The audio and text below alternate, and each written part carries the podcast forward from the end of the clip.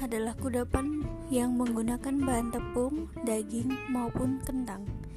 Dibentuk bulat menonjol dan cenderung pipih. Sajian ini bisa kamu jadikan solusi untuk mengganjal rasa lapar. Selain berbahan dasar daging dan kentang, kroket juga bisa menggunakan bahan baku menarik seperti ikan. Supaya referensi hidanganmu makin banyak, berikut ini ada 5 olahan kroket ikan yang bisa jadi inspirasi masakan hari ini.